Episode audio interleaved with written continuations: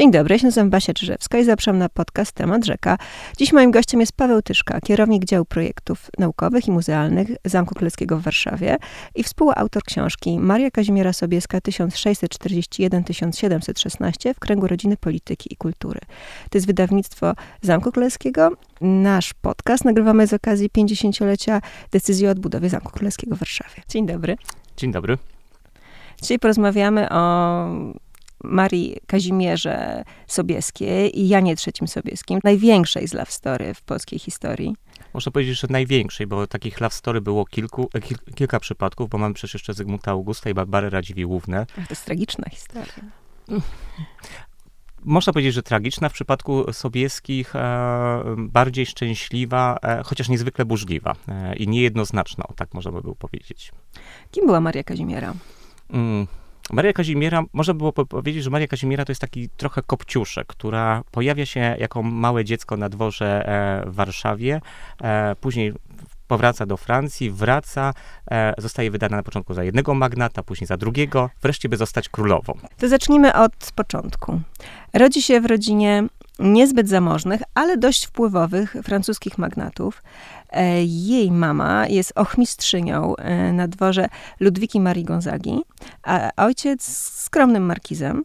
E, I ona jako mała, kilkuletnia dziewczynka staje się dwórką właśnie Ludwiki Marii Gonzagi, która mm, w momencie ślubu z Władysławem IV staje się królową Polski i wtedy zabiera ją razem ze swoją świtą na zupełnie obcy dwór, do innej kultury, do innej strefy wpływów, do, do, do właściwie do, do innego języka i środowiska.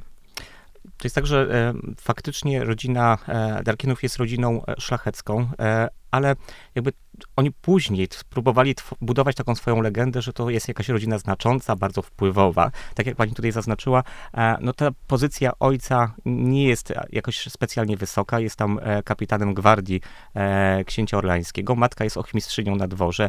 Właśnie, Czyli jest menadżerką dworu. Można by było tak powiedzieć, zarządza tym dworem Ludwiki Marii Gonzagi. Natomiast Ludwika Maria Gonzaga też w tym momencie jakby też nie odgrywa większej roli, no bo po swoim dość burzliwej młodości na dworze francuskim E, została trochę odesłana e, na boczne tory. E, I w momencie, kiedy faktycznie Władysław IV rozpoczyna poszukiwania kolejnej swojej małżonki, nagle dwór francuski stwierdza, że to jest może dobry moment, żeby związać króla z Francją, żeby poślubił właśnie Ludwikę Marię Gonzagę, a przy okazji pozbywamy się Ludwiki Marii Gonzagi, która jest dość problematyczną osobą. Mhm. No i, i, to się udaje, więc w 1645 roku Ludwika Maria Gonzaga rusza do Warszawy i postanawia zabrać ze sobą e, dwór. Dwór, który jest tworzony na potrzeby jej pobytu w Warszawie, czyli to są głównie właśnie Francuzi skupieni e, wokół, e, którzy do tej pory byli skupieni wokół e, Ludwiki Marii. Więc zabiera również pa, panny z Fraucymeru, czyli swoje damy dworu. E, no i w tym momencie robi pewien ukłon, to znaczy no nie zabiera swojej ochmistrzyni, no bo ona zostaje z rodziną na miejscu, ale ponieważ rodzina Darkinów jest dość liczna, nie mają mhm. liczne potomstwo, to to stwierdza, że przynajmniej najmłodszą z córek zabierze, czyli tą czteroletnią Marię Kazimierę e, do Warszawy. Od razu pojawiały się plotki, że to jest dość niezwykłe, tak małe dziecko e, rusza w daleką podróż, być może jest nieślubnym dzieckiem królowej tych, tych plotek związanych z życiem Ludwiki Marii Gonzagi było dużo. Ona faktycznie w młodości e, wplątała się e, w kilka romansów, które e, nie, nie przysporzyły jej sławy. Stąd też było rozpowszechnione na dworze takie, taka opowieść, że właśnie Maria Kazimiera jest jej nieślubną córką. Natomiast no to mm, jakby bardziej to są jednak jakieś legendy i późniejsze próby jakby czy oczernienia Ludwiki Marii Gonzagi, szczególnie w okresie, kiedy walczyła o elekcję Vivente Rege dla, e, dla następcy swojego męża. E, natomiast no, to jest jakby osoba z jej najbliższego otoczenia. No, jeżeli mamy ochmistrzynię, tą menadżerkę, która zarządza dworem, ma, tą, ma tych kilka córek, z tą najmłodszą, najprawdopodobniej królowa była, przyszła królowa była dość mocno związana, więc postanawia ją po prostu zabrać jako swoją pupilkę. Trzeba o tym pamiętać, że dla takich młodych dziewczyn to była olbrzymia szansa. To znaczy, jeżeli przyszła królowa udawała się na dwór e, gdziekolwiek, no to za, najczęściej zabierała ze sobą właśnie córki z tych mniej zamożnych rodzin, bo dla nich to była szansa na tym nowym dworze. Awans społeczny. Awans społeczny, ale przede wszystkim znalezienie bogatego męża. Mhm. Bo przyjeżdża królowa, przywozi swoje panny. Jeszcze z Francji. Tu jest z Francji, natomiast najczęściej, nawet jeżeli one przyjeżdżały, przyjeżdżały na przykład Habsburżanki, przywoziły swoje dwory, no to były panny starannie dobrane e, z odpowiednich rodzin, najczęściej właśnie tych uboższych, typu e, i to dla nich była szansa, że dzięki królewskiej protekcji, dzięki protekcji królowej, dość wysokiemu na przykład posagowi, która królowa mogła e, ufundować, ale przede wszystkim tej szansie, że w przyszłości ci mężowie będą awansowani na najwyższe urzędy, takie panny były e, no, bardzo atrakcyjne na rynku matrymonialnym. Więc to i tutaj Ludwika Maria, wychowana właśnie na dworze francuskim, wiedziała, że tą e, właśnie w ten sposób może bardzo dużo zdziałać e, w Warszawie i w Rzeczpospolitej. No i to się de facto wszystko zrealizowało. Tak, to znaczy tych, właśnie tych panien z dworu mhm. Ludwiki Marii Gonzagi, które zrobiły błyskotliwe kariery, jest wiele, i tak naprawdę ci mężczyźni, ten najwyżsi urzędnicy polityczni w, w dobie panowania Jana Kazimierza, no to są najczęściej właśnie e, ci, którzy mieli szczęście poślubić jedną z dwórek Ludwiki Marii Gonzagi. No ale jeszcze jesteśmy na tym etapie, że ona jest dzieckiem i zastanawiam się, jak wyglądały realia życia takiej dziewczynki e, w, na dworze, który jest tak naprawdę poligonem wojskowym. Tam cały czas knuje się intrygi, walczy się o wpływy to jest bardzo niewłaściwe miejsce do dorastania. Ale ona, biorąc pod uwagę, że ma 4 lata, to można by było powiedzieć bardziej, że ona jest taką e, atrakcją, taką maskotką na dworze. To Nazywane jest Marysieńką. No Marysieńką właśnie, więc to jest takie małe dziecko, które jest e, atrakcją. No, trzeba też pamiętać o tym, że e, Ludwika Maria e, Gonzaga, e, no, przybywając do, do Polski, e, liczyła sobie 35 lat, czyli już nie była pierwszej młodości na ówczesne standardy, przepraszam, mm -hmm. że to powiem, natomiast i dość długo, z Władysławem IV też nie miała e, dzieci. Dopiero z, z, następnym swoim mężem, czyli Janem Kazimierzem, e, miała dwoje dzieci, które jednak zmarły e, we wczesnym dzieciństwie. Więc dla samej Ludwiki e, Marii Gonzagi to mogła być taka właśnie namiastka też macierzyństwa, że mamy, mamy taką małą dziewczynkę, którą możemy się zaopiekować. Maskotką można tak powiedzieć, że była taką maskotką dworu. E, I podejrzewam, że w tym pierwszym okresie pobytu na dworze królewskim, to ona jakby nie odgrywała takiej roli, e, nie była przeznaczona jakby do tej właśnie tych roszad personalnych, do tej walki na dworze, miała spełniać inne funkcje. Ale jednocześnie chłonęła jakiś rodzaj kontaktów, komunikacji, uczyła się języka, manier. Oczywiście, to jakby dwór był miejscem dla nauki, to znaczy nauki właśnie życia dworskiego, czyli tych wszystkich manier, e, umiejętności e, poruszania się w tym świecie. Wiadomo, że do, do, Warszawy ściągali przede wszystkim, to było miejsce, gdzie przebywali najwyżsi urzędnicy państwowi. Tutaj przebywały też ich małżonki. Tu się koncentrowało całe życie polityczne, ale też życie kulturalne. E, za Władysława IV na Zamku Królewskim przecież istniał teatr, który wystawiał sztuki. To był jedna z, jeden z, w tym czasie jeden z największych ośrodków właśnie kultu, e, e, takich kulturotwórczych w całej Europie. Więc ten, ta Warszawa wtedy tętniła życiem i dla takiej młodej dziewczyny, która jakby nie, nie ukrywajmy, przyjechała z prowincji, no ten życie w Warszawie to było życie, e, powiedzmy, na najwyższym wtedy e, e, poziomie kulturalnym i takim w ogóle atrakcyjności. No tak, z burgundzkiego Nevers do Warszawy. Tak, i tylko jak mówię, bo ta, to trzeba pamiętać, że właśnie do potopu szwedzkiego Warszawa w tej części Europy faktycznie nadawała ton i życie na dworze Władysława IV należało do takich jednych z najbardziej bujnych, jeżeli chodzi właśnie o życie artystyczne, kulturalne.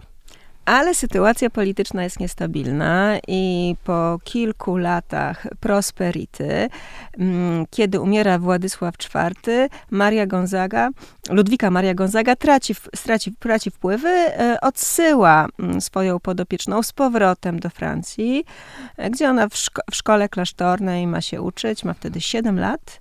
E, I dopiero po czterech, pięciu, tutaj są różne mm, teorie, może wrócić do Warszawy, kiedy, kiedy kryzys jest już zażegnany i królowa wychodzi za mąż za Jana Kazimierza, stając się znów panią na dworze. E, wtedy Marysieńka pojawia się w trochę innym świetle. Jest już dorastającą panienką, podobno niesłychanej urody ze wszystkich zachowanych, e, w wszystkich zachowanych źródłach e, jest poświadczone to, że naprawdę była e, piękna a przynajmniej potrafiła te swoje wdzięki wykorzystać. Więc wraca, kiedy powróciła do Warszawy w 1652-1653 ma te 11-12 lat, natomiast dość szybko zostaje właśnie dostrzeżona wśród tych panien dworskich jako ta, która właśnie olśniewa urodą, jest pełna wdzięku a na pewno temperamentu.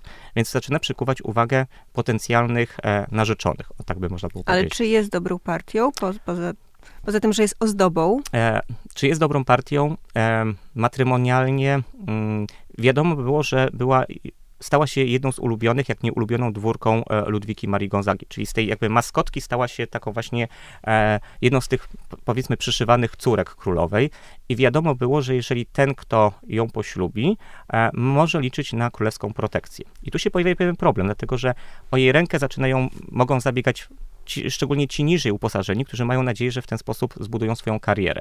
Natomiast królowa tu ma większe ambicje, to znaczy tą swoją ulubioną dwórką, e, która cieszy się dużym powodzeniem, zamierza złapać na wędkę jednych z najbardziej zamożnych, potężnych, żeby w ten sposób ich e, e, zbliżyć do dworu królewskiego.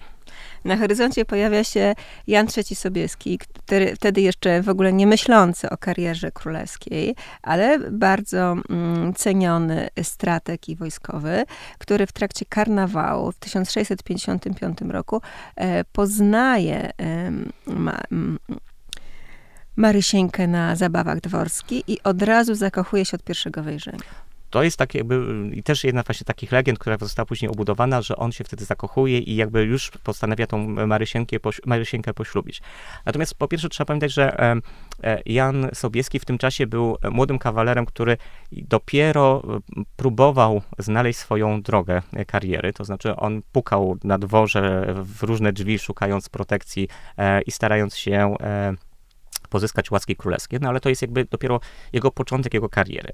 E, czy, na pewno wtedy już poznał e, Marysienkę. Czy ta miłość... E, ma wtedy 26 lat. E, tak, a Marysieńka ma lat 14, tak. więc, e, więc to jest jakby powiedziane, że on już, jak wiadomo, że już powinien założyć tą rodzinę, żeby przedłużyć swój, e, swój ród. natomiast no, jego pozycja jeszcze to nie jest ta pierwsza liga, o której by Ludwika Maria Gonzaga myślała dla swojej ukochanej podopiecznej. Natomiast zaczyna się e, wymiana e, listowna, a kiedy rok później Sobieski przybywa na dwór, e, ta, ta relacja się jakoś bardziej zacieśnia. Tak, ale jakby tutaj no, królowa już w tym czasie, to znaczy od 50, od końcówki 55, już w 56, e, kiedy no, wybucha, no już mamy wtedy potop, dwór królewski musi wyjechać, tu się robią przetasowania, to znaczy e, potop rozpoczyna tak, wybuch e, potopu szwedzkiego powoduje, że część, większa część magnaterii, szlachty opowiada się po stronie Karola Gustawa, Jan Kazimierz zostaje odosobniony i nagle szukamy tych sojuszników najbardziej zaufanych. I Jan III Sobieski zdradza króla. No i tu też, to, to, na ile on zdradził tego króla, na ile to było tak, że on się po prostu na chwilę znalazł w nie, niewłaściwym obozie, trudno powiedzieć, ale jakby wypada z grona tych potencjalnych kandydatów, natomiast jest i ktoś inny, kto pozostaje wierny królowi, kto e, stoi na straży e, twierdzy Zamość e, i, tej, i, tutaj daje olbrzymie wsparcie królowi, czyli Jan sobie pan Zamojski. Co oznacza sobie pan? To jest wspaniały przydomek. Sobie pan najlepiej oddaje charakter Jana Zamojskiego, to znaczy Jan Zamojski był ordynatem zamojskim, trzecim ordynatem zamojskim, czyli panem na de facto udzielnym księstwie w granicach Rzeczpospolitej. Księstwie obejmującym, czyli ordynacja to jest 9 miast, prawie 150 wsi, gdzie on jest tak naprawdę panem tego wszystkiego. E, ma, własną, ma własne wojsko, własną akademię, własne, e, własny dwór, e, jeden też z największych i najwspanialszych Rzeczypospolitej. E, po matce, e, kiedy wymiera ród Ostrogskich, przyjmuje, przy, przydaje sobie tytuł książęcy, e, więc do którego nie ma praw, ale posługuje się jako książę zamojski. Rządzi sobą. Rządzi sobą, rządzi sobą, rządzi swoim dworem, rządzi całą tą społecznością i tak naprawdę jest jednym z najbardziej wpływowych ludzi w Rzeczypospolitej. I to królowa dostrzega, to znaczy uważa, że tutaj Jan Zamojski może być olbrzymim wsparciem e, dla Jana Kazimierza w tych trudnych czasach i że jakby warto go mieć po swojej stronie. I 3 marca 1658 roku odbywa się ślub. E, z tego małżeństwa rodzi się czwórka dzieci. Niestety wszystkie umierają we wczesnym dzieciństwie. E, I trudno powiedzieć, że to małżeństwo jest tylko na papierze, ale na pewno nie jest szczęśliwe. To znaczy, e, Jan Zamoński zdradza żonę, zaraża ją chorobą weneryczną. No nie pozwala jej jakoś specjalnie rozwinąć też kariery. Znaczy, to jest tak, że mm, Mamy człowieka, który, po pierwsze mamy mężczyznę, który jest o 14 lat starszy od swojej e, żony, to znaczy w chwili ślubu on ma 31, ona ma 17. On jest jeden z najbardziej wpływowych magnatów, ale no nie ukrywajmy, prowadzi życie e, takiego trochę starego kawalera, można by powiedzieć. To znaczy w tym zamościu e, ma oficjalną metresę, e, babusia, Januś, babusia Anusię, ma e, harem złożony z lokalnych e, dziewcząt. Żyje jakby jako wojskowy, bo jest tutaj oddanym wojskowym, więc ma bardzo proste zapotrzebowanie, proste upodobania. I ten w Zamościu tak naprawdę rządzi jego siostra, czyli Gryzelda z Zamojskiej Wiśniowiecka, która tam się ten, e, schroniła po tym, jak e, umarł jej mąż i utraciła całe włości. Więc jest też kobieta, która odgrywa tą pierwszoplanową rolę zarządczyni tego całego majątku. No i wiadomo, że no, on musi się ożenić, żeby zapewnić ciągłość e, e, swojemu e, rodowi. Więc, więc w momencie, kiedy pada propozycja małżeństwa, to nie jest tak, że dlatego Jana Zamojskiego ta, ta Maria Kazimira jest jakby, on ewidentnie jej się zakochuje, jest ona młoda, atrakcyjna, ma poparcie królowej, ale w momencie, kiedy pojawia się ta propozycja, to jest na przykład słynny list Jerzego Sebastiana Lubomirskiego, czyli brata ciotecznego Jana, Jana e, sobie pana Zamojskiego, który pisze przez swojego sekretarza do nuncjusza, żeby nie dopuścił do tego małżeństwa, dlatego że dla Zamojskiego małżeństwo z Marią Kazimierą jest katastrofą wizo- dla wizerunku, dlatego że to jest mezalians. Ona jest nikim. E, jest cudzoziemką, nie ma żadnej ze sobą rodziny, paranteli, niczego. E, I dla, sam, dla, dla e, Jana Zamojskiego, którego praprababką była ostatnia z książąt mazowieckich, Anna Mazowiecka, no to jest małżeństwo, które jest no, katastrofą wizerunkową. Więc natomiast Jan Zamojski się uparł, mu się panna spodobała i sprowadza ją do Zamościa. I tu następuje zderzenie wychowanej na dworze warszawskim młodej dziewczyny e, z prozą życia e, w Zamościu. E, bo nagle okazuje się, że po pierwsze, no, Jan, Jan Zamojski oczywiście pozbył się i haremu, i babusi Anusi ze swojego dworu, ale no i zadanie Marii Kazimiery jest jedno. Ona ma urodzić dziedzica fortuny, nazwiska. E, to jest jej zadanie. Natomiast no, Maria Kazimiera, e, wychowana i jakby na wzorcach Ludwiki Marii, chce być prawdziwą gospodynią.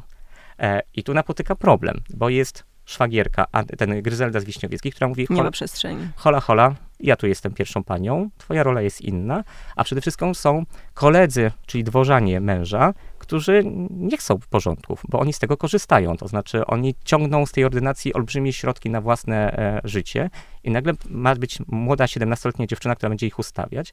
Tam jest taki też pierwszy list, który ona wysłała na przykład do Podskarbiego, że przestańcie mnie traktować jak dziecko. E, a oni tak się właśnie zachowują. To znaczy, no, dziewczyno, ty masz siedzieć w domu, urodzić dziecko i to jest twoja rola. No ale Marysieńka prowadzi podwójne życie, na przykład poprzez korespondencję z Janem III Sobieskim, która trwa i się rozwija. Jest tak śmiała, że w pewnym momencie ona upomina go listownie, żeby zmienił język, bo um, grozi jej skandal, że jeśli te listy wyciekną, no to ona po prostu straci um, swoją pozycję, no i na pewno majątek. Jan III jakoś specjalnie się tym nie przejmuje e, i w dniu jego imienin dochodzi do spotkania w Warszawie, w klasztorze karmelickim, gdzie podobno dochodzi do e, takiego ślubu nieoficjalnego, tylko takiej obietnicy przyrzeczenia i wymiany pierścieni ten Jan Sobieski jest sąsiadem Zamojskich, więc od czasu do czasu w Zamościu bywa. E, I dla Marii Kazimiery e, on jest takim łącznikiem między tym Zamościem, a tym, co się dzieje w Warszawie. Więc ona na początku bardzo mocno prosi Sobieskiego wszelkiego rodzaju nowiny, które, e, które dochodzą z Warszawy, bo jakby no, ona tego potrzebuje, ona została odcięta od tego życia kulturalnego, towarzyskiego i szuka. Natomiast Sobieski na początku traktuje Marsinkę trochę jako taką sąsiadkę, z którą odwiedzi, podpyta, e, zabawi.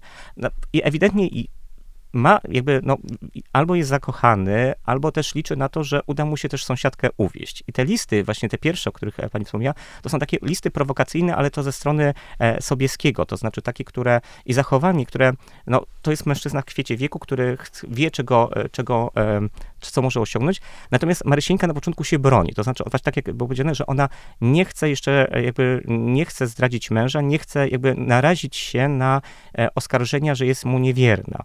Natomiast na przełomie e, właśnie, e, gdzieś w 1661 roku następuje jakby taka przemiana ich uczucia z takiej, e, z takiej, mm, z jakiego, nie romans, ale w taką miłość platoniczną, opartą w dużej mierze na literaturze francuskiej, którą między sobą wymieniają. Bo to też jest maniera ich czasu. Tak. I to jest mhm. tak, nagle okazuje się, że to jest taka e, no Jan, ten Jan Sobieski, który nie ma żony, nie ma, e, nie ma partnerki, z którą, e, z którą mógłby e, wieść życie rodzinne. Maria Kazimiera, która jest w tym czasie już co najmniej po trzech ciążach, z których dzieci urodziły się i dość szybko zmarły. Osamotniona w Zamościu, mąż, który coraz więcej pije i jakby nie, nie interesuje się nią.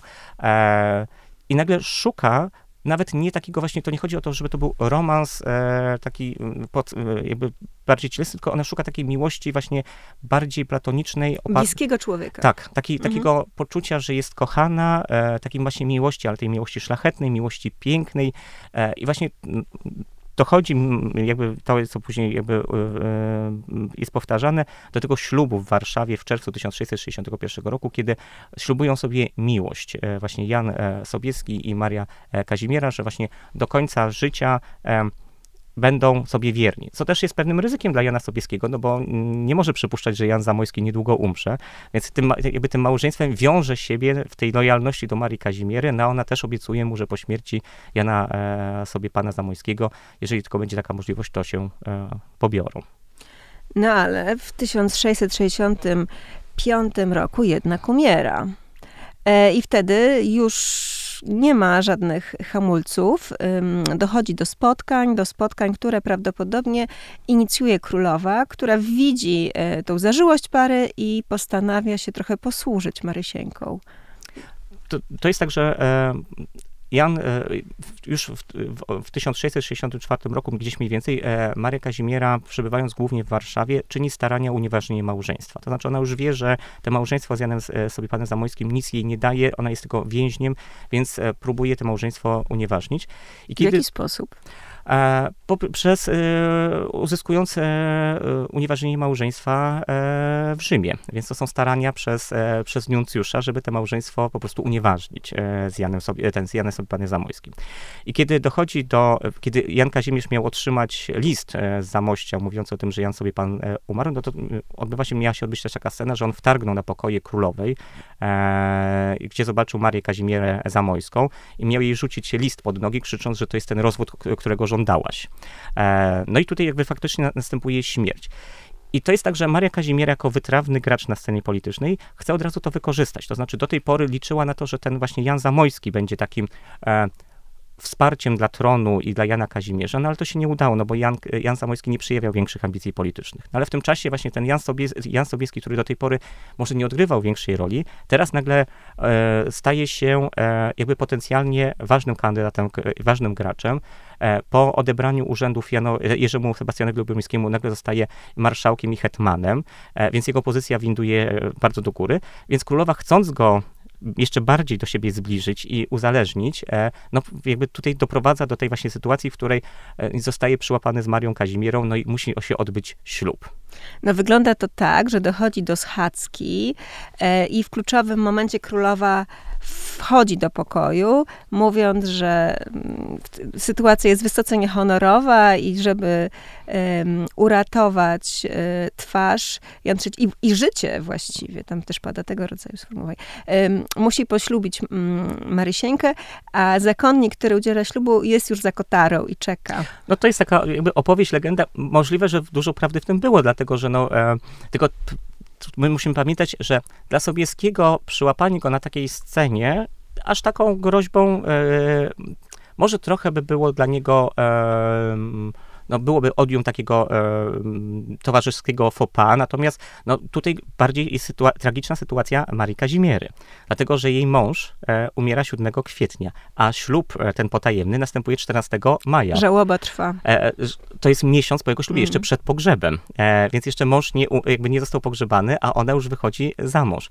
E, mało tego, odbywa się to wszystko potajemnie. Natomiast to, co jest najważniejsze, no, Maria, umiera Jan sobie pan Zamojski, ostatni z linii ordynatów zamojskich. I rozpoczyna się wielka batalia o ordynację zamojską.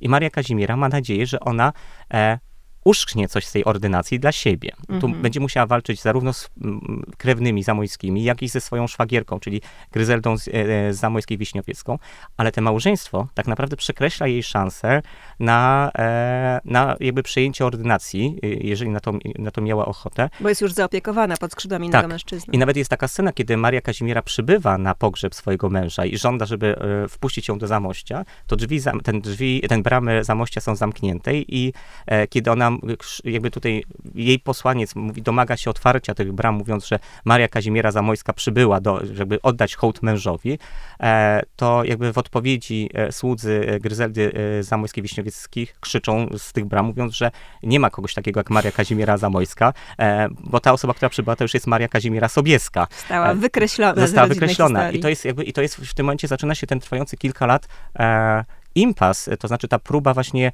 olbrzymi e, e, rywalizacja między rodzinami zamojskich i sobieskich, e, w dużej mierze o ordynację zamojską, e, która się później przełoży na panowanie Michała Korybuta Wiśniowieckiego. E, I, e, I to jest tak właśnie, że e, rodziny, które do tej pory były dość blisko, czyli zamojscy i sobiescy, nagle stają po dwóch stronach e, barykady. Ale miesiąc po tym nieoficjalnym, tajnym ślubie odbywa się oficjalny. Mm, Więc wydaje się, że ona dostaje takie wsparcie ze strony męża, który cały czas w czasie żałoby jest w stanie przyjąć ten skandal, plotki, paszkwile i em, z podniesioną głową przedstawić ją światu jako swoją żonę. No i to jest jakby dla niej, e, dla Marii Kazimiery, takie e, sytuacja e, już bardziej komfortowa, no bo przynajmniej został zawarty oficjalny ślub. Co prawda trzy miesiące po śmierci pierwszego męża, co nadal w Rzeczpospolitej jest skandalem, bo było przyjęte, że przy, przez rok co najmniej kobiety jakby powinny pozostać w tej żałobie. Mężczyźni również, chociaż tu się zdarzało inaczej, ale no jakby tu już od, udziela tego ślubu nuncjusz apostolski, więc to też ta ranga jest dużo wyższa. Nie jest to za, zakonnik zakotary, który nagle wyskakuje, e, tylko no, przedstawiciel e, Ojca Świętego w, w, w Rzeczpospolitej, więc jakby ranga jest dużo wyższa. E, Natomiast no, trzeba też pamiętać, że ta sytuacja obydwojga małżonków jest bardzo trudna, dlatego że e, Jan Sobieski musi się liczyć z tą bardzo dużą e, wrogością w stosunku do siebie, no bo e, osobą, która była szalenie popularna wśród szlachty, był ten Jerzy Sebastian Lubomilski. Mu odjęto e, urzędy, zabrano mu to. Wybucha w czasie tej e, rebelii, którą wywołał przeciwko parze królewskiej. Te urzędy po nim dostał Sobieski i wszyscy podważają, że nie ma do tego praw. Więc sam Sobieski jest w nieciekawej sytuacji, a tu jeszcze ten ślub z tą Marią Kazimierą, e, która no, jeszcze jest wdową i to świeżą wdową. Mm, On w tym momencie bardzo dużo ryzykuje. I ryzykuje właśnie dla tej miłości do Marii Kazimiery. Czy ten ślub to oznacza unię dwóch osób, które zaczynają pracować na karierę Sobieskiego? E, Na pewno to jest ślub z miłości, bo jakby no, te fakty świadczą o tym, że oni e, e, naprawdę się kochali. I skoro Sobieski był gotowy e, poślubić Marię Kazimierę tak szybko i, i, i dzięki niej też jakby związał się z dworem królewskim i przyjął na siebie ataki ze strony tego przeciwnego stronnictwa, to jest jakby świadczy po pierwsze o to, że to jest miłość. No ale po drugie, oczywiście oni od, od razu zaczynają pracować na karierę Sobieskiego. Tylko, że tak naprawdę Jan Sobieski nie bardzo wie, jakie go czekają losy, bo e, no jest marszałkiem, jest hetmanem, jest jednym z najważniejszych urzędników w Rzeczypospolitej. Natomiast w, 1000, w 1667 roku umiera Ludwika Maria Gonzaga, czyli Maria Kazimiera traci swoją e, Protektorka. mentorkę, protektorkę. E, Rok później niespodziewanie Jan Kazimierz abdykuje. I nagle te osoby, z którymi ta para się bardzo mocno związała, nagle ich nie ma. Rzeczpospolita staje, staje w obliczu kolejnej wolnej elekcji. A jak wiemy, wolna elekcja może wynieść na tron każdego. To znaczy, każdy szlachcic może zostać królem e, i nagle Sobieski nie jest po- poważany wśród szlachty. E, Nie jest, dlatego że to jest cały czas, zanim się cały czas jeszcze ciągnie ta, e, te, te właśnie ta sytuacja z tym, że przejął te urzędy po, po Lubomirskim, on bardzo mocno, znaczy on bardzo stara się budować swoją pozycję w wojsku i dość szybko udaje mu się tych wojskowych przekonać do siebie i bardzo szybko staje się takim ukochanym wodzem, ale to jest jeszcze ten bardzo wczesny etap, jeszcze te bardzo trudne czasy dla nich. I nagle ku zdziwieniu wszystkich, kiedy tutaj e, Jan e, Sobieski razem przez swoją żonę, ale przez te dawne e, zobowiązania i znajduje się w dworze, w, w, w opcji, która chce kandydata z Francji, to znaczy chce na tronie Francuza, żeby Ludwik XIV tutaj wskazał jednego ze swoich poddanych, jednego ze swoich książąt, którzy tam mieszkają, żeby tutaj przybył do Francji, przybył z Francji i został polskim królem. Szlachta tego nie chce. Szlachta chce swojego króla wybrać. I nagle ku zdziwieniu wszystkich w 1669 roku królem zostaje niespodziewanie Michał Korbut-Wiśniowiecki, syn Gryzeldy e, Zamojskiej-Wiśniowieckiej, czyli największy wróg e, Sobieskich nagle zostaje królem. E, I dla, dla e, Marii Kazimierzy to jest, to jest naprawdę szok, no bo e, ona jest skłócona z Gryzeldą, skłócona może trochę mniej z jej synem. Oni teraz nie dosyć, że jakby zajęli ordynację, to jeszcze teraz i e, Michał Korybut będzie królem. I wszystkie, e, to może oznaczać tylko jedno, że e, los e, Marii Kazimiery i Jana Sobieskiego jest, Wisi na włosku. wisi na włosku. I teraz po pierwsze, oczywiście Jan Sobieski przychodzi do opozycji. To znaczy e, przez całe te czteroletnie panowanie e, Michała Korybuta będzie robił wszystko, by podważać autorytet monarchy, by go e, może nie ośmieszyć, ale pokazać, że jest niekompetentny, żeby go zmusić do abdykacji. Natomiast w tym czasie e, Maria Kazimiera czyni różne starania we Francji, żeby przenieść się do Francji. To znaczy, żeby, to już jeszcze za, za życia Jana Zamojskiego, kiedy planowała właśnie uzyskanie unieważnienia małżeństwa, przekonywała Jana Sobieskiego, żeby oni się po prostu przenieśli do Francji. Że tu w, Rzeczpospolitej nikt nie doceni jej męża, nikt ich nie doceni, a we Francji Ludwik XIV to zrobi. I są olbrzymie starania e, Marii Kazimiery, by tu sprzedać cały majątek Sobieskich, żeby on tu się zrzekł urzędów, żeby przenieść się do, do Francji, żeby oni tam kupili majątki, tam otrzymali, nie wiem, tytuł książęcy, ty- tytuł para Francji od Ludwika XIV i żeby tam zaczęli swoje nowe życie. Bardzo ryzykowna strategia. Bardzo ryzykownie, tym bardziej, że Ludwik XIV woli mieć Sobieskiego i Sobieską w kraju jako swoich wiernych sojuszników e, i tam, nie wiem, od czasu do czasu im wysłać jakieś pieniądze i mówiąc, popierajcie mojego kandydata, działajcie tak, jak działacie, ale nie widzi żadnej korzy- korzyści, żeby tych Sobieskich z tej Rzeczpospolitej przynieść do Francji. Umiejętności Sobieskiego są też bardzo zakorzenione w, w lokalnych realiach. E, to prawda, Kulturze tak. języku. E, Kulturze i języku, chociaż e, Sobieski odebrał bardzo staranne wykształcenie. E, On też odbył Grand Tour po Europie. Natomiast no tu wiadomo, że Ludwikowi XIV, który sam jest królem wojownikiem, tacy sprawdzeni dowódcy może by się przydali, ale on ich ma już ma ich wielu. I teraz sprowadzanie Sobieskiego, a tym bardziej dawanie mu tytuł para Francji, no to trochę na zasadzie, ale po co mi to? Mhm. Ale Maria Kazimiera przez te całe panowanie właśnie, to, to ostatnie lata życia Jana, czy ostatnie lata panowania Jana Kazimierza, czy szczególnie za panowania Michała Korybuta-Wiśniewskiego, robi takie próby, przenieśmy się do Francji. Tu nas nie chcą, to idźmy do Francji. Tylko e, w tysiąc, wszystko zmienia się w 1673 roku. Czyli w trakcie wojny polsko-tureckiej. Tak, bo oto e, e, doprowadzone jest do Sejmu, e, tak, Sejmu, który nagle e, na chwilę zostają zażegnane wszystkie konflikty, bo to mamy wojnę, Turcja weszła w głąb Rzeczpospolitej, wszyscy się jednoczą e, i Jan Sobieski na czele wojska rusza pod Chocim e, walczyć o wolność Rzeczpospolitej. Król udaje się do Lwowa i na dwa dni przed bitwą umiera. Natomiast Sobieski odnosi spektakularną, e, s- jakby no, spektakularne wiktorię pod Chocimiem. To jest, to jest wielki, wielki sukces, który oczywiście jakby Michał Korybut-Wiśniewiecki e, dążył tego momentu, spadłby na, e, jakby stałby się udziałem króla, no bo to on doprowadził do tego pokoju, doprowadził do tej, do, że ta armia ruszyła pod Chocim, no ale króla nie ma. I w tym momencie Jan Sobieski widzi, że skoro już Michałowi Korybutowi-Wiśniewskiemu udało się zostać królem, czyli tego piasta osadziliśmy na tronie, no to teraz nagle te całe wojsko, które już, dla którego teraz e, Jan Sobieski jest wielkim bohaterem, e, zostaje, ci wojskowi zostają rozesłani na sejmiki, Mhm. które i wszędzie głoszą, że nie ma po co, co szukać króla lepszego. Mamy Sobieskiego. I tak naprawdę Sobieski rozpoczyna wielki marsz z Podchocimia do Warszawy po koronę. To znaczy tu już no, nie ma in- innego kandydata, który mógłby się liczyć, jeżeli chodzi o Sobieskiego. W tej elekcji pomaga mu też Marysieńka? Można powiedzieć, że przeszkadza. To Okej. znaczy, e, sobie, ma, ma, e, Maria Kazimiera jest bardzo niepopularna. I, e, i to jest. E, to jest tak, że do tej pory e, wszyscy polscy władcy w momencie kiedy obioru byli kawalerami.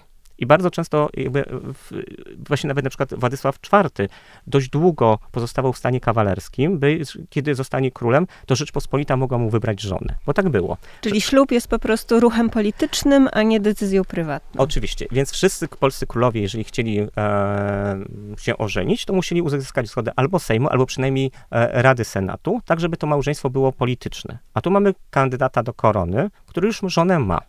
W dodatku nie jakoś specjalnie dobrze urodzoną. I, I, to jest właśnie ten problem. Po pierwsze, niezbyt dobrze urodzoną, czyli to nie przynosi żadnego e, pożytku, bo gdybyśmy, gdyby był kawalerem, to można by było się e, znaleźć mu księżniczkę e, elektorówne, carówne i w tym momencie zawrzeć jakiś sojusz polityczny. A tutaj na, tak naprawdę musimy, on ma już tą żonę, która żadnej korzyści nie przyniesie. Poza tym, że jest francuską, a to co powiedziałem, że Francja w tym czasie jest dość powszechnie znienawidzona w szerokich kręgach, no bo to pra, próba elekcji Vivente Rege, czyli narzucenia tego kandydata z Francji.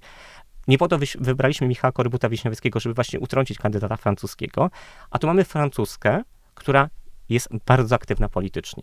I to też przeszkadza, bo e, szlachta uwielbiała królowe ciche, spokojne, które w zaciszu życia domowego e, rodziły dzieci, tam mogły odgrywać olbrzymią rolę, tak jak na przykład Konstancja Habsburżanka przy boku Zygmunta III, ale nie kobiety polityków. I to jest ten, ten, ten to jest tak jak bardzo znienawidzona była Bona Sforza, Ludwika Maria Gonzaga, tak już na dzień dobry e, Maria Kazimiera też jest mało popularna i pojawiają się nawet takie e, plany, żeby, że okej, okay, Jan Kazim, ten Jan Sobieski może zostać królem, ale powinien się rozwieść, i poślubić na przykład wdowę po poprzednim władcy, czyli Eleonorę Habsburżankę, bo to przyniesie korzyści e, Rzeczpospolitej. On oczywiście tego w ogóle nie bierze pod rozwagę. No, król nie bierze tego pod, pod rozwagę, szczególnie, że już w tym czasie e, pojawiają się dzieci. Już jest urodzony w 1667 e, Jakub Ludwik e, Sobieski. No to trochę, no jakby, nie ma powodów, żeby to małżeństwo unieważnić. W styczniu, e, znaczy, no, w lutym 1676 roku e, obydwoje sobie zostają koronowani na, na władzę. A jak wygląda życie Marii Kazimiery po y, tej pierwszej symbolicznej koronacji, bo oficjalna odbywa się dwa lata później? Znaczy, po wyborze no, Maria Kazimiera staje się panią na Zamku Królewskim w Warszawie, to znaczy... To jest miejsce, w którym mieszka. Miejsce, w którym mieszka oficjalnie, no bo Zamek Królewski w Warszawie jest oficjalną rezydencją e, polskich królów, więc po elekcji Maria Kazimiera jako królowa zajmuje te apartamenty, kiedy, które kiedyś należały do jej mecenaski e, i mentorki, czyli do Ludwiki Marii Gonzagi. Więc to też jest takie bardzo symboliczne, że ona nagle zajmuje tą przestrzeń, którą kiedyś, e, w której kiedyś przebywała, ale jako jedna z dwórek, jedna z, e, z państw Fraucymeru swojej e, właśnie królowej. Teraz to ona jest tą królową. To jest ten miejsce, w którym ona była bardzo mocno związana, bo w, w tym zamku właśnie w dużej mierze dorastała. Tam też, kiedy urodziła pierwszą córkę, to też urodziła ją na Zamku Królewskim, bo to w Warszawie, bo tam jakby przebywała pod opieką, opieką królowej. Teraz nagle staje się panią tego zamku i to ona musi urządzić całe te życie dworskie tej części kobiecej, czyli tego e, fraucymeru. Czyli własny dwór. Czyli własny dwór. To ona musi stworzyć, e, właśnie ona musi zebrać te panny, które będą od tej pory jej fraucymerem, czyli właśnie te wszystkie e, młode dziewczęta, które na jej dworze będą dorastać, będą stawiać pierwsze kroki, będą się uczyć i też szukać swojej szansy na, na przyszłość. Czyli musi zebrać właśnie, te, właśnie e, te, ten dwór kobiecy.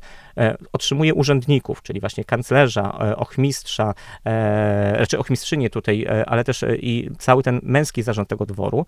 I to, więc przez najbliższe e, kilkadziesiąt lat to Maria Kazimiera e, Sobieska będzie jedną z osób, które będą nadawać e, życie Zamkowi Królewskiemu w Warszawie, tego całemu dworowi, który w tym zamku się e, mieści. A zmienia jego architekturę, wystrój, kolekcję? Nie. Tutaj niestety jakby, jeżeli chodzi o kolekcję, Sobiescy mają olbrzymią kolekcję, natomiast tą kolekcję w dużej mierze przechowują w swoich prywatnych e, e, siedzibach w Wilanowi, ale też na, na, na Rusi. Natomiast no nie ukrywajmy, że Zamek Królewski w Warszawie jest e, bardzo zniszczony po potopie e, szwedzkim.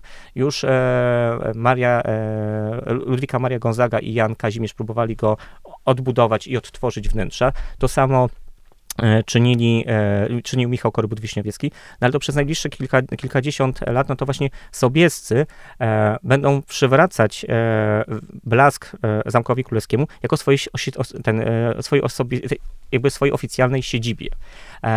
Tam też przez pewien czas w dawnych pokojach po synach Zygmunta III będzie mieszkał Jakub Sobieski razem ze swoją żoną i rodziną, no bo to też on jako syn pary królewskiej, będzie miał prawo do tego, żeby mieszkać właśnie w Zamku Królewskim e, w Warszawie. I do tej pory właśnie w tej przestrzeni, w której mieszkał e, Jakub Sobieski, czyli dzisiejszych pokojach matejkowskich, zwanych również pokojami królewiczowskimi, w jednej z tych sal e, właśnie wiszą obrazy przedstawiające członków rodziny królewskiej. Sobieski jest poważany jako wielki wódz, ale z biegiem lat, kiedy postępuje u niego choroba, kiedy ta następuje dość szybko załamanie, jeżeli chodzi o kwestie zdrowotne, to tak naprawdę Rzeczpospolita już od końca lat 80. przygotowuje się do kolejnej elekcji. To znaczy już wiadomo, że Jan III długo władcą nie będzie.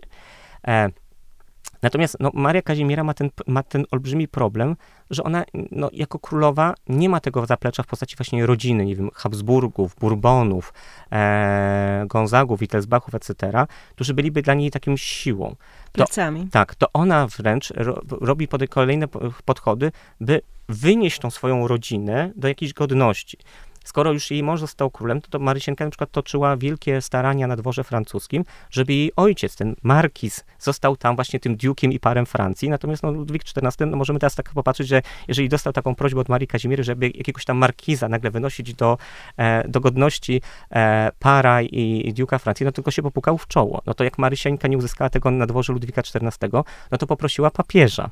E, no akurat papieżem tak się złożyło, e, że papież się zgodził i, i ten markiz e, Darkien został kardynałem. No, więc mogła powiedzieć, że jest córką kardynała. No, jakby, ogromna presja. No, ogromna presja, to znaczy próba pod, podniesienia pre, prestiżu własnej, własnej rodziny.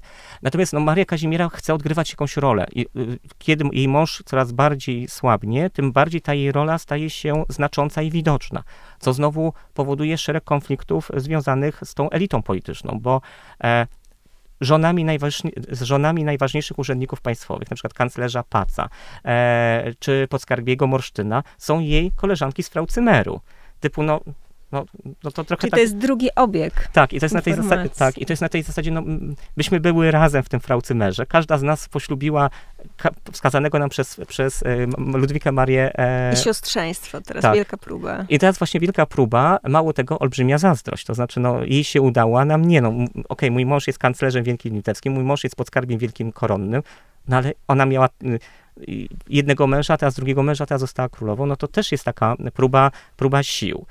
A szczególnie to, że skoro już Michał Korbut-Wiśniowiecki był królem, Jan III Sobieski był królem, to każdy z tych najpotężniejszych magnatów czeka tylko na śmierć Jana Sobieskiego, bo on siebie widzi w koronie. Zarówno i Jabłonowski, i, i Sapiechowie, i szereg innych liczą na to, że to oni będą następni. No a tutaj jest, są dzieci bo e, sobiescy mają e, liczne potomstwo. Oni oczywiście z powodu tej choroby syfilisu, którym Marysieńka się zaraziła od Jana e, Zamojskiego, większość z tych dzieci e, umiera we wczesnym dzieciństwie, ale czworo przeżywa, z czego jest trzech synów. E, I tu się zaczyna walka o to, żeby któryś z tych synów został przyszłym władcą po śmierci Jana Sobieskiego. Ale skupmy się jeszcze na parze mhm. i na ich e, relacjach, bo z listów, które... Mm, można mm, czytać z bardzo różnych lat. One się tak rozciągają mniej więcej od 1665 do 1683, czyli mm, zamyka je odsiecz wiedeńska.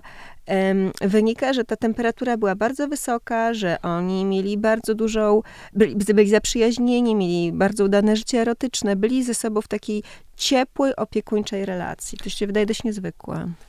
Jeżeli chodzi o e, jakby pożycie par królewskich, a i owszem, tylko to też trzeba pamiętać o tym, że e, to była bardzo, czy po pierwsze, e, można było powiedzieć, że e, no, oni się naprawdę kochali, i to małżeństwo było szczęśliwe, to byli oczywiście ludzie temperamentni, to znaczy w, w relacjach też zachowały się szereg takich, że e, królowa próbowała narzucić mężowi swoje zdanie, próbowała mu wymóc coś na nim, on się też przed tym bronił, to, więc tam dochodziło do różnych awantur. E, to nie zawsze udało się ukryć, co też jakby obniżało prestiż i pozy ten pozycję pary królewskiej, no bo nagle e, para królewska, która przekłada swoje e, życie prywatne. I nie mówi jednym językiem, nie mówi jednym, jednym tak, głosem. Tak, no do tej pory jakby to, co szlachta przywykła, że jest król, który mówi swoim głosem. Tu nagle mamy dwugłos, to znaczy Maria Kazimiera też chce zabierać głos.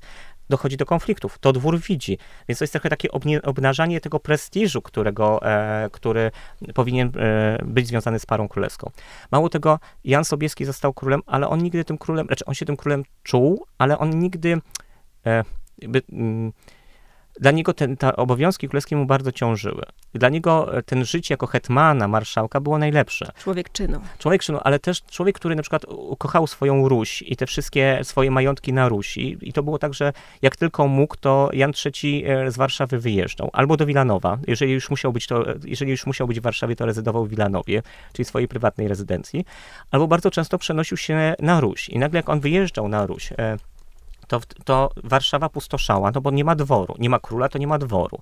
E, co też jakby no, obni- obniżało ten prestiż tej pary królewskiej, no bo y, ludzie przywykli do tego, że dwór jest w Warszawie, król jest w Warszawie, król oczywiście może podróżować, ale główną rezydencją jest Warszawa, a tu tak naprawdę nie wiadomo, czy, czy, tą, czy e, dwór jest, w, czy siedzibą dworu jest Warszawa, czy jest to Lwów, czy to jest któraś e, Olesko, czy inna z siedzib e, sobieskich. E, to, nie, to wszystko jakby nie budowało prestiżu tej pary, natomiast, więc tutaj na, niestety należy rozdzielić na dwa takie, to, pożycie rodzinne, szczęśliwe, aktywne. I to widać, że też Maria Kazimiera e, bardzo mocno męża wspierała, szczególnie w tym momencie, kiedy już zaczął chorować, a po 83 to już coraz częściej się zdarzało. Ale z drugiej strony ta para królewska, która próbuje wywiązywać się ze swoich obowiązków i nie do końca się w tym odnajduje. Nie do końca ta rola im jakby no, podołają, pod, podołali swoim obowiązkom. Czyli ten wizerunek pary idealnej, ludzi, którzy się znaleźli, których łączyło uczucie, temperament, ale też wspólne cele, gdzieś tam się rozmywa. Prawda historyczna jest inna. Tak, natomiast też to też należy o tym pamiętać, że e, kiedy król zaczął chorować, wiadomo było, tak jak mówię, od końca lat 90., że, znaczy od końca lat 80., że nastąpi kolejna elekcja, e, przeciwnicy sobieskich zaczęli rozpuszczać plotki. E, rozpuszczać plotki o to, że tak naprawdę Marysieńka to czeka na śmierć męża, bo ona zamierza zrobić ten myk, który zrobiła Ludwika Maria Gonzaga. To znaczy pochowa jednego męża, zostanie królową wdową i ona sobie wskaże kolejnego kandydata kawalera czy wdowca do korony i się za niego e, wyda za mąż. Na dworze krążyły paszkwile o romansie. Tak, więc e, i to nie, nie jakby nie, nie jeden, a wielu, to znaczy no i wszyscy którzy przejawiali jakieś ambicje polityczne i chcieli, widzieli się w koronie. Byli bohaterami. Tak, byli oskarżani o to, że e, są w związku z Marysieńką i że Marysieńka ma e, z nimi e, romans i to jest, e, głównie tutaj padało na e, hetmana Jabłonowskiego, Stanisława Jana Jabłonowskiego, który miał wtedy żonę, e, ale był oskarżany o to, że, z, że jak tylko Jan Sobieski zamknie oczy, no to albo się rozwiedzie, albo może w międzyczasie też jego żona zamknie oczy i będzie to nowa para, to znaczy, że Marysieńka doprowadzi prowadzi wszystko do, do, do tego, żeby e, po jej, po śmierci męża mogła razem z, z Jabłonowskim być e, dalej rządzić Rzeczpospolitą. Co oczywiście było wymierzone w pierwszym, po pierwsze było wymierzone oczywiście e, w Marię Kazimierę, po drugie w cały ród Sobieskich, a po trzecie było wymierzone w tych potencjalnych kandydatów do korony. To znaczy to była taka forma batalii, typu jesteś zbyt popularny, masz zbyt wielkie szanse, to cię zaraz zwiąże z Marią Kazimierą romansem. A, ale jak y, następuje śmierć, Marysieńka wyjeżdża i udaje się do Rzymu razem ze swoim dworem. Bo pojawia się bardzo trudna sytuacja, to znaczy e, umiera mm, w 1696 roku umiera Jan e, Sobieski e, i rozpoczyna się wolna, e, kolejna wolna elekcja. No oczywiście e, sobiescy, i tutaj sobiescy e, nie są też zgodni co do tego, jaką obrać rolę. E, nieszczęściem dla Sobieskich był e, wysłannik francuski, który miał wesprzeć Sobieskich e, w walce o koronę dla ich syna Jakuba. Ale Jakub był żonaty w tym czasie już z jedną z, z, z, siostrą cesarzowej austriackiej, więc tutaj, cesarzowej, więc związany był z dworem austriackim. I przysłany wysłannik francuski zamiast tą rodzinę skonsolidować i wyznaczyć tryby działania, to tak naprawdę rozbił tą rodzinę, dlatego że przestał wspierać Jakuba, y, nakłaniał Marysienkę do y, wyznaczenia jednego z młodszych synów do korony. Jakub się poczuł urażony, zaczął też y, zaczął ten, szukać tych, e, e, tych, tych wszystkich plotek od matce, która planuje się powtórnie wydać za mąż i tak naprawdę nie wspiera syna. To doprowadziło do rozłamu w rodzinie Sobieskich i ta elekcja zakończyła się dla nich e, katastrofą. To znaczy Jakub Sobieski e, królem nie został, rodzina się bardzo mocno skłóciła. E, został wybrany e, elektor saski, czyli Fryderyk August Wettin, e, który na dzień dobry, e, może on sam nie był niechętny królowej wdowie, ale jego otoczenie, a i owszem. To znaczy, oni nie chcieli, by królowa wdowa odgrywała jakąkolwiek rolę. I ta sytuacja była dość trudna, dlatego że no, jest nowy król, mamy rodzinę zmarłego króla, e, potencjalnych kandydatów i wiadomo, że Rzeczpospolita była krajem niestabilnym.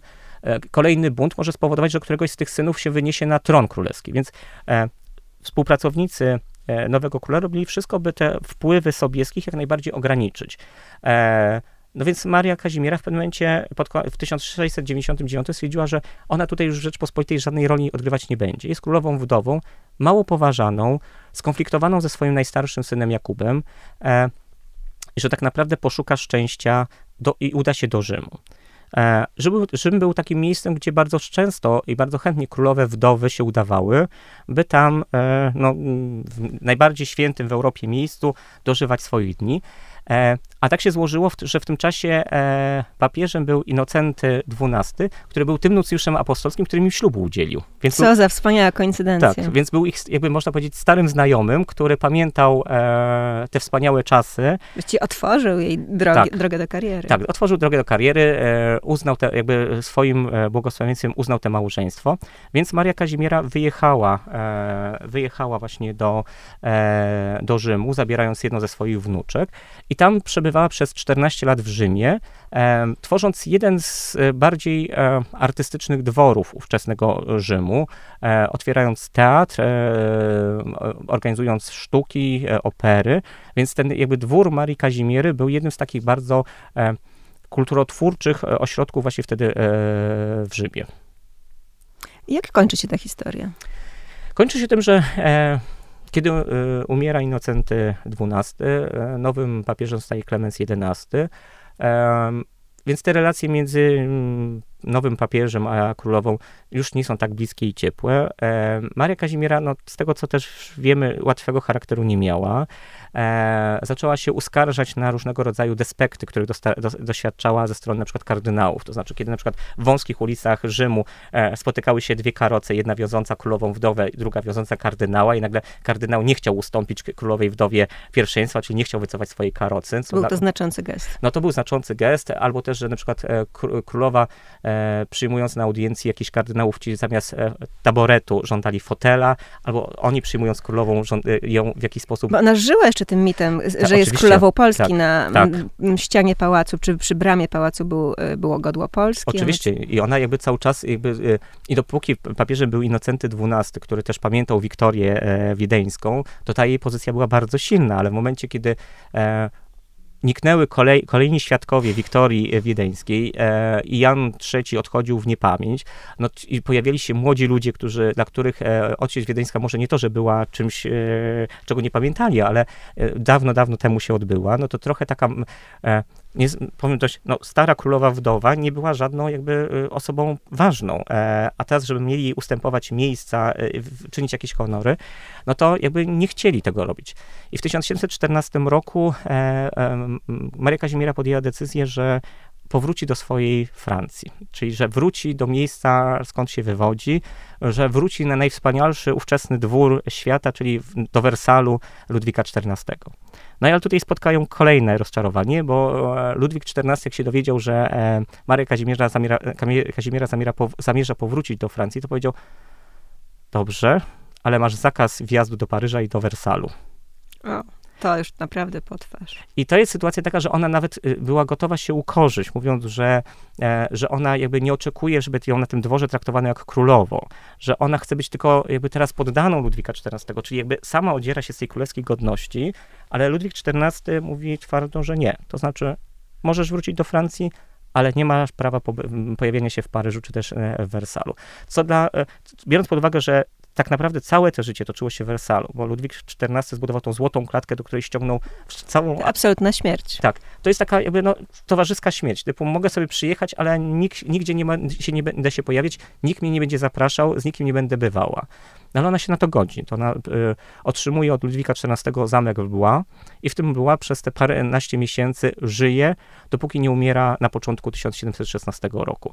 Więc trochę tak wielka królowa umiera w zapomnieniu e, we Francji, czyli w swojej e, e, rodzinnej Francji, która jej tak naprawdę nie chce, I umiem... W oderwaniu od swojej rodziny. W oderwaniu od swojej rodziny, e, i to jest też niesamowite, bo ona w pewnym momencie w Wenecji spotkała się ze swoją córką, Teresą Kunegundą, w tym czasie już elektorową Bawarii.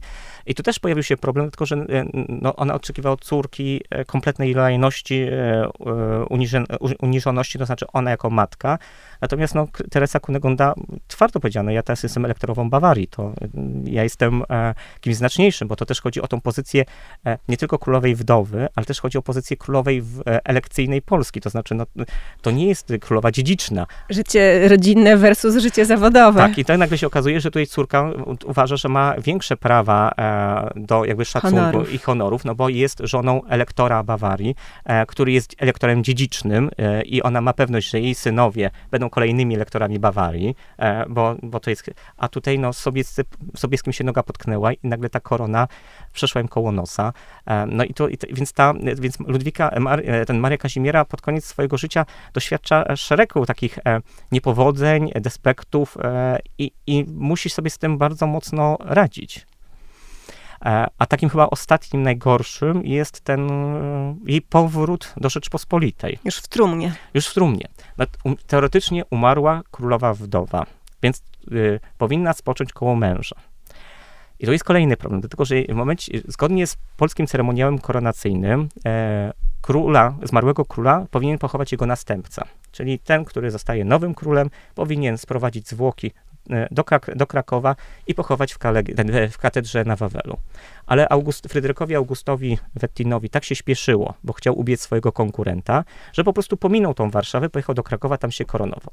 No i Jan, trumna z Janem Sobieskim e, stała na, e, była wystawiona w Zamku Królewskim w Warszawie przez długi czas, no ale w pewnym momencie się zorientowano, że nowy król nie zamierza chować swojego poprzednika, no to coś trzeba było z tymi zwłokami zrobić. Więc króla Sobieskiego przeniesiono do, klasztor, do, do kościoła i klasztoru, który ufundował, kapucynów na ulicy Miodowej. E, tam wystawiono go w, e, w tej, e, w, w, kościele kapucynów. No kapucyni, jakby możemy się domyślać, nie byli najbardziej szczęśliwi, bo nagle... Problem. Jest problem, to znaczy... W ich kościele pojawia się trumna z królem, no i oni muszą teraz się tą trumną zająć. No przez parę miesięcy ją tam adorowali, e, odprawiali nabożeństwa, etc., no ale ile można, ile może stać w tym kościele. Więc go przenieśli do podziemi, czekając, co się dalej yy, będzie działo. Co jest też pewnym paradoksem, bo jeden z największych polskich władców, o których mówimy, Jan Sobieski, a nagle zostaje... Porzucony. Raczej znaczy, no trochę tak jak taka e, e, persona non grata, po śmierci staje się, no nikt go nie chce... E, nawet pochować. Pochować i nawet ci kapucyni, którzy zostali... E, Ale to już zakrawa jakieś bezczyszczenie zwłok. No, powiem tak, no, taką brak pamięci i próbę, mm, próbę no, e, co zrobić z nieboszczykiem, którego nikt nie chce? No i dos, dosłownie, no bo to w tym momencie mamy tego króla, który stoi w zamku, z zamku go przenoszą do kapucynów, kapucyni go do tej, e, umieszczają u siebie w podziemiach. I on w tych podziemiach się tam znajduje u nich, niepochowany oficjalnie, e, no, w tej trumnie, czeka na dalszy rozwój wypadków. E, umiera Maria Kazimiera w Blua i teraz teoretycznie powinna zostać sprowadzona do męża, ale gdzie? E, no teoretycznie do Krakowa. No ale to jest, chodzi o to, że skoro umarła królowa wdowa, to zarówno Teresie Kunegundzie, e, czyli córce, która jest elektorową Bawarii, jak i też Jakubowi Sobieskiemu, który jest e, przez żonę spokrewniony ze wszystkimi władcami, spowinacowany ze wszystkimi władcami Europy, powinno zależeć, że ta matka będzie wracać. Teraz e, ta trumna z matką powinna e, jechać przez całą Europę z honorami. To znaczy, ta trumna powinna być zatrzymywana się w każdym mieście, tam powinien być budowany w kościele e, ołtarze. A takie rzeczy się wydarzały w tak, historii? Tak, oczywiście. Więc chodzi o to, że to jest pewien prestiż dynastii. To znaczy, Sobiescy nie są już, Sobieski nie jest władcą, no ale jest księciem ołaskim, powinowatym wszystkich władców europejskich, no to ta matka powinna być sprowadzana w sposób godny, to znaczy w każdym większym mieście powinna być zatrzymywana, w kościele budowane specjalne ołtarze, Casum Doloris, na których ona powinna być wystawiana, tam się odby- powinny odbywać nabożeństwa. To powinno trwać co najmniej kilka tygodni, e, ale jak można się domyśleć, koszty są tego olbrzymie. E, a interesu nie ma nikt. Interesu nie ma nikt. To znaczy, Jakub Sobieski, e, skłócony z matką, e, nigdy matce nie wybaczył, więc jemu nie, na tym nie zależy. Teresa Kunegunda liczy koszty i na to trochę nie stać. Więc jest taki opis, jak to e, z Bulła do Warszawy jedzie kilkanaście wozów z rzeczami po Marii Kazimierze oraz malutki wóz, który wiezie tajemniczą skrzynię. I tak przez kolejne komory celne Europy przejeżdża ten, ten jakby kondukt złożonych z tych, znaczy kondukt, no, przyjeżdża karawana, powiedzmy to nazwijmy. Transport. Transport tych wozów z tą tajemniczą skrzynią. E, dojeżdżają do Warszawy i od tym momencie od Warszawy już do e, Oleska i tych dóbr e, sobieskich, czyli tam, gdzie rezyduje Jakub Sobieski, jadą tylko te wozy z rzeczami.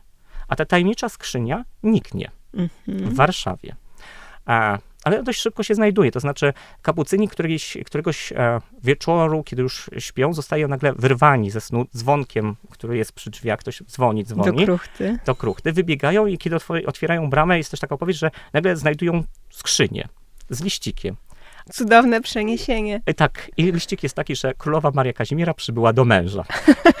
I nagle ci biedni kapucyni, którzy do tej pory nie wiedzieli, co mają zrobić z tym Janem Sobieskim, mają nagle dwoje nieboszczyków, bo...